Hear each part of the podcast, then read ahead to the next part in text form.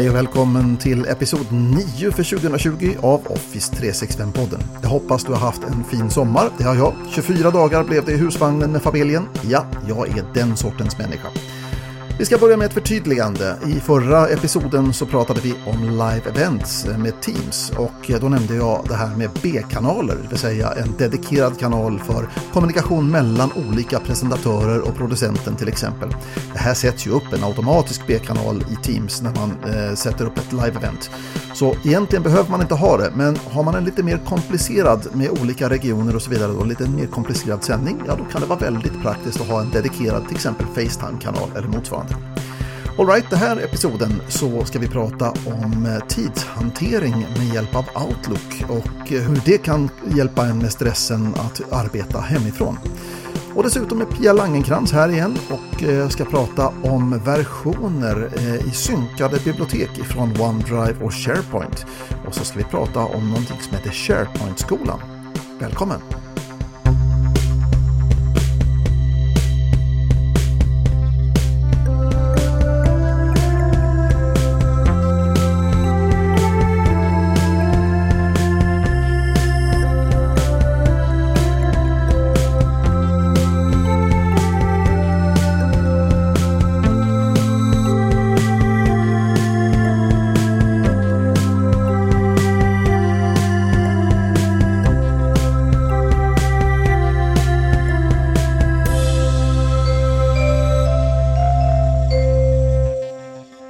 Jag brukade vara dålig på att hantera tid, men jag har blivit bättre.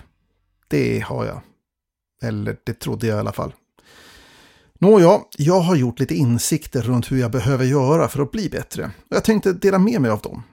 Allt började i våras. Jag hade massor att skriva och massor att göra. Så jag gjorde en lista i To-Do och satte igång. Det började trögt som det kan göra när man ska börja skriva en text. Men efter ett tag så kom flytet igång. Nu rullade texten på. Jag avbryter och skiftar fokus till Outlook. En påminnelse om mötet imorgon. Just det, okej. Okay. Tillbaka till texten. Var var jag nu? Mm. Jag läser det från början. Jag kanske kommer tillbaka om jag läser det högt. Outlook. Du har ett nytt mail från Willis. Uh. Till slut är jag klar med texten. Inte Shakespeare, men ett helt okej första utkast. Titta på klockan. 12.45. Det tog lite längre tid än jag hade tänkt det där. Tio grejer till på listan. Jag gör de där tre snabba grejerna nu direkt. Det känns så skönt att kunna bocka av saker och ting på listan. Lite kissnödig nu, men jag kan nog hålla mig en stund till. Nytt meddelande från frun. Är handlarlistan i To-Do uppdaterad?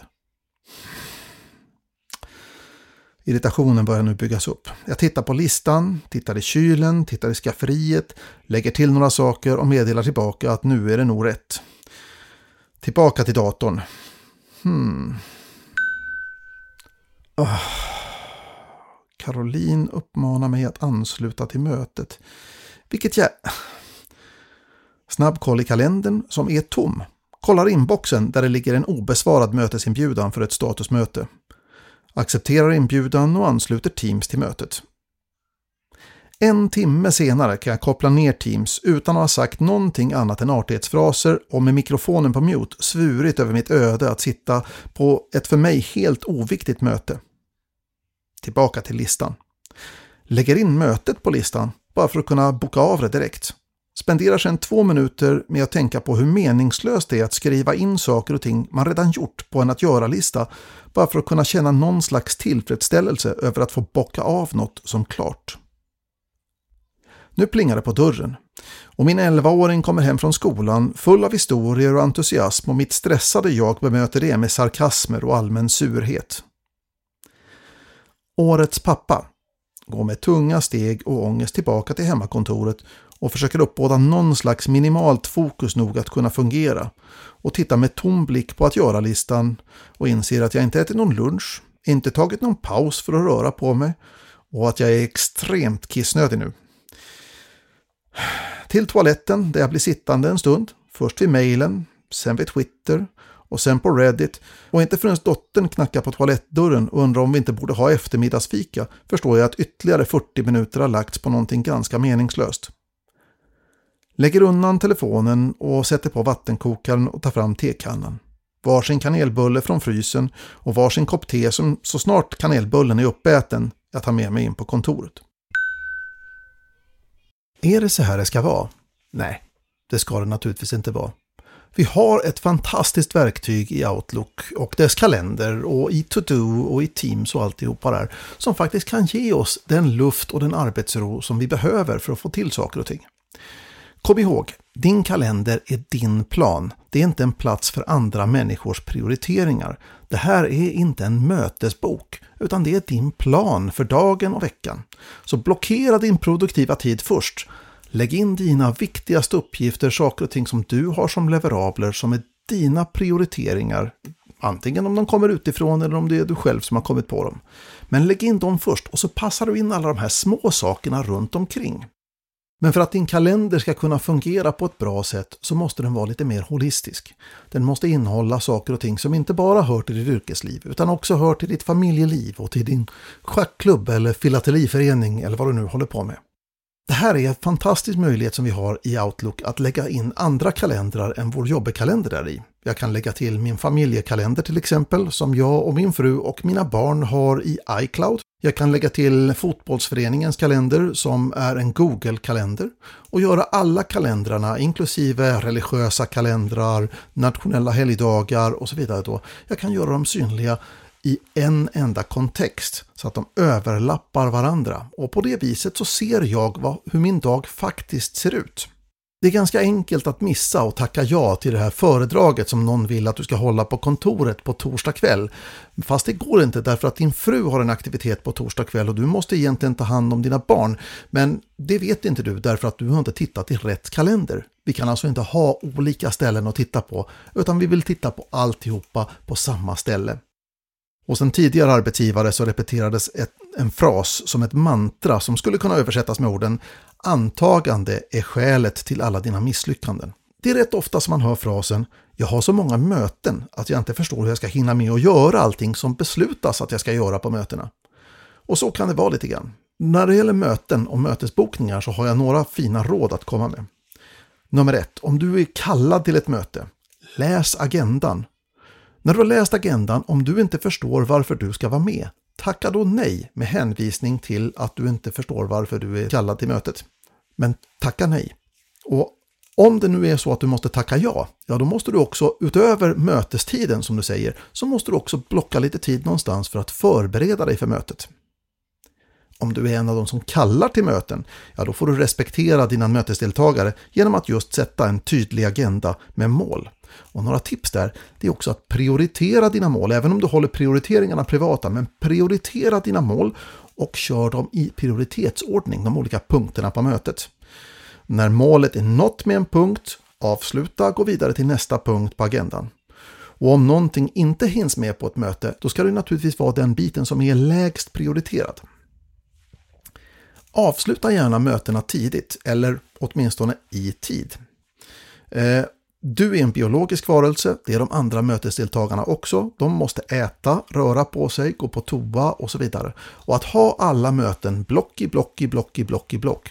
För så har mina dagar sett ut också. När man måste avbryta ett möte som håller på att dra över tiden och säger jag är ledsen, nu börjar mitt nästa möte som jag ska vara på. Det här är liksom lite symptomatiskt. Så det finns en inställning i Outlook som automatiskt sätter mötesbokningar, eller alla egentligen tidsblockeringar som man lägger in. Då sätter man entimmesmöten, då blir de 55 minuter istället, som standard.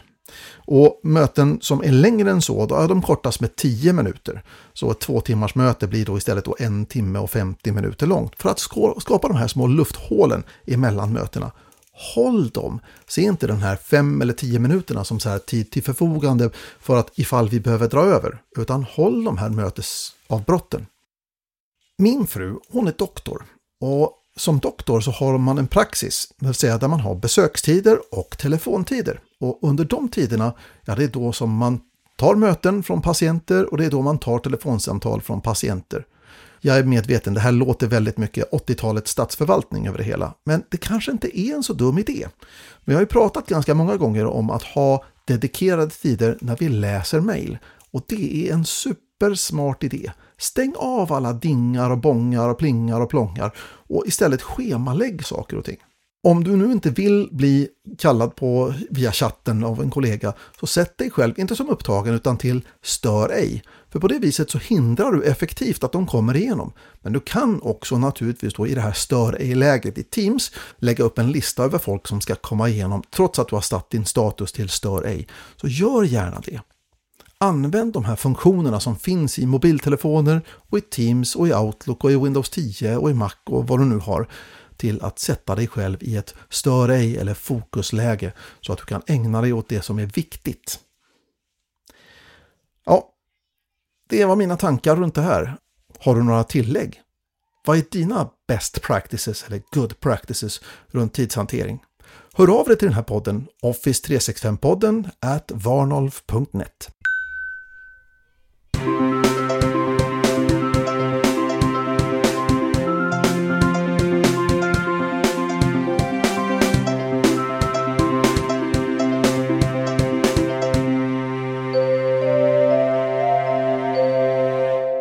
versionshantering av dokument egentligen överallt där vi lagrar dokument. Och anledningen till det, det är därför att vi har det här fantastiska verktyget SharePoint som ligger bakom nästan all dokumentlagring, eller all dokumentlagring i Office 365.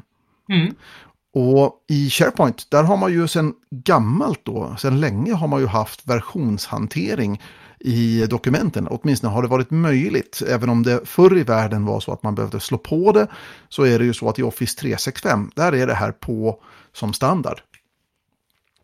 Och eh, självklart då så har vi versionshantering då på alla de ställena då där det är SharePoint som hanterar till exempel din OneDrive. Så när du lagrar dokument i din OneDrive så är de dokumenten versionshanterade. Så du kan gå tillbaka i tiden och se hur dokumentet såg ut för förra veckan eller förra månaden eller vad det nu handlar om.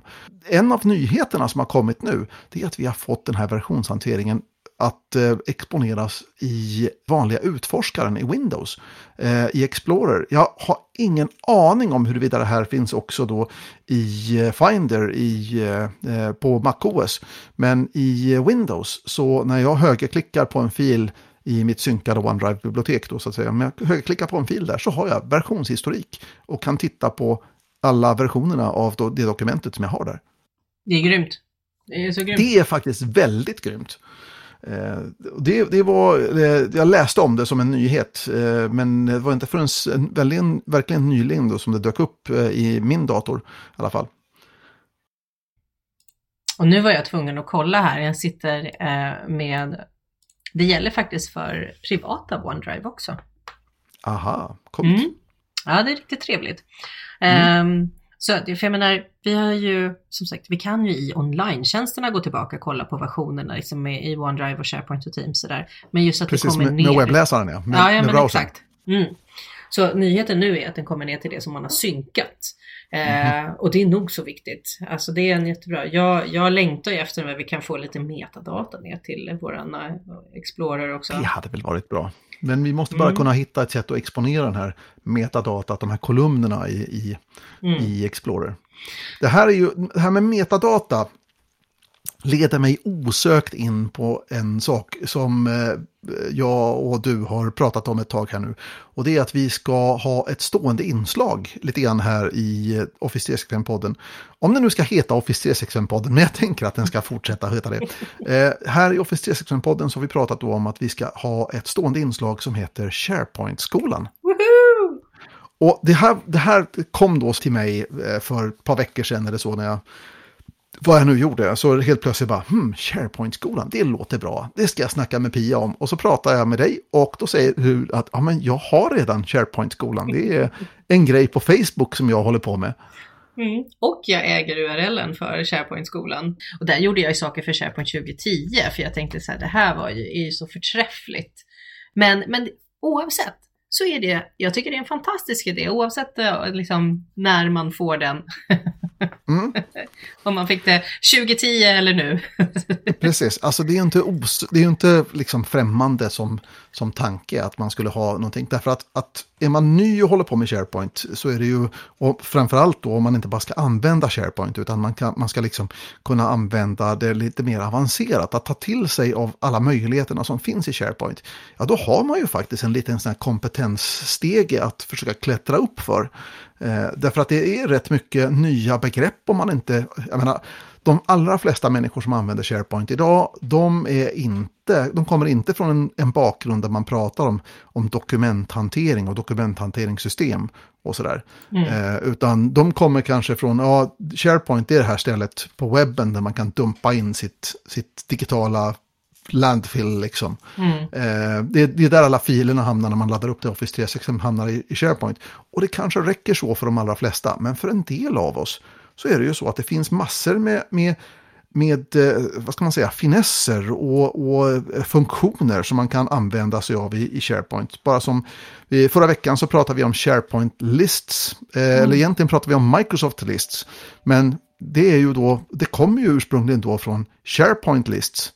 Och eh, då kanske man inte känner till just vad, vad, poängen är med listor i SharePoint och att man kan klura ut då att ja, det, det är som ett Excel-ark med tvådimensionella tabeller och sådär. Och, eh, och, och, vad man kan använda det till, eh, vad, vad, som är finessen. Det som jag tycker är finessen med en lista i SharePoint är just att istället för att den lever i Excel som är filbaserat så lyfter vi in den och nu blir den istället då intranätbaserad kan man säga då. En mm. Eh, gemensam resurs. Det finns en version och inte tolv olika versioner av ett dokument som flyter runt där ute. Utan vi har en, en sanning så att säga, en gemensam lista som vi jobbar med. Och att man kan göra sånt i SharePoint är kanske inte så många som vet om. Mm. Och man kanske inte heller begriper sig på alltihopa det här med kolumner och vad man kan göra med dem. Och eh, vad är det för skillnad på att ha en kolumn som är i min vy i eh, mitt dokumentbibliotek jämfört med att ha det som man kallar för en sitekolumn. Och, eh, och alla de här fantastiska begreppen som metadata och, och term store och massor med, med ganska kryptiska saker, men som är ganska smarta om man kan bygga dem. Mm. Ja. Så jag, jag, tänkte, jag kan inte tänka mig en bättre guide in i det här mm. området än dig. Ja, jag blir alldeles rörd. Trevligt. Ja. Nej, jag har, jag har, jag, jag, utan att skryta så kan jag säga att jag har ju guidat in ett antal människor eh, in i den här SharePoint-världen. De flesta av dem ofrivilligt, men ändå. All right, var koppel och ridpiska eller? Ja, men precis. Folk som kommer. Klippa. Ja. ja, nej, men det är inte alla som eh, frivilligt har kommit på mina utbildningar och möten på olika organisationer om att lära sig SharePoint. Eh, men jag, jag har jag har tagit många med på resan, tagit dem i handen och mycket så här, när jag jobbar med offentlig sektor, så att jag med arkivarie och registraturen och så, så här, vi kommer ha det jobbigt du och jag. Men vi kommer mm. ta oss igenom och du kommer att fatta hur jäkla underbart allt det här är. Men jag måste bara avprogrammera dig från vissa saker som du har tidigare fått misshandlat om mm. dig när det kommer till liksom informationsarkitektur och hantering. Så, mm. Mm, ja, men det är väl jätte, jättebra. Och, och jag tänker mig att vi ska ha ett guidande ledord som ska styra hur vi pratar om saker och ting. Eh, så här kommer det ledordet. What's in it for me? Så du tycker att en sak är jättecool, men what's in it for me? Mm. Ja, där brukar jag också säga till folk, så här, var försiktig vad du frågar mig om SharePoint för jag kanske inte slutar prata. Och, och det som är det tråkiga liksom, med de här avancerade funktionerna och möjligheterna som du har i SharePoint, det är att eh, det mest avancerade, det känns ju bara som blaj. Det, det är ju som att prata med en tjock människa om att liksom öka sitt personbästa i Ironman. Det, det, är liksom i, i det läget så känns det omöjligt. Man måste säga, men jag, jag är tjock och lat och tycker om Netflix och du kan vara tyst. Eh, jag vill inte höra om det där. Och det blir lite så när man pratar liksom om matematisk eh, metadata i taxonomin och liksom vissa som äger noder och, och håller kontroll över informationen. Och jag, menar, och jag står där liksom och blir lite röd om kinderna och pratar fortare och fortare och alla bara jag, jag är tjock, jag kommer inte springa Ironman, gå härifrån. Nötter och öl är min idé för, för hälsokost. Liksom. Precis, och då blir det ju mm. så att man måste, där, där har jag lärt mig den hårda vägen att, eh, att utgå från där folk är. Just den här klassiska, gräv där du står. Mm. Eh, alltså många gånger så får man ju gå tillbaka till början och prata om hur ett dokumentbibliotek är som en perm, liksom, och metadata är som permregistret i permen. Och vi har olika permar, därför har vi flera olika dokumentbibliotek. Eh, sådär, och då blir det så här, okej, okay, okej. Okay. Men i den här SharePoint-skolan så tar vi med folk på den här resan. Jag tänkte det, så att det här är vår inbjudan. Eh, jag och Pia inbjuder dig som lyssnar på det här programmet att följa med oss i SharePoint-skolan framöver. Och det här är också eh, våran eh, lilla här call to action för dig och det är för dig som lyssnar alltså. Och det är att om du har någonting som du är nyfiken på eller någonting som du tycker suger eller någonting som du tycker är fantastiskt med SharePoint och så vidare så får du jättegärna skicka in ett mail med det. Så ska vi prata om det i SharePoint-skolan och eh, adressen är förstås Office365-podden i ett enda ord at varnolf.net. Eh, det här, eh, om du sitter med en iPhone eller någonting sånt där, eller någon typ av mobiltelefon som visar en bild av den podcast som du lyssnar på just nu, så ser du det här framför dig eh, just nu på din skärm. Så finns den adressen där. Ja. Eh, och, så, och så kommer vi sparka liv i den där Facebookgruppen igen.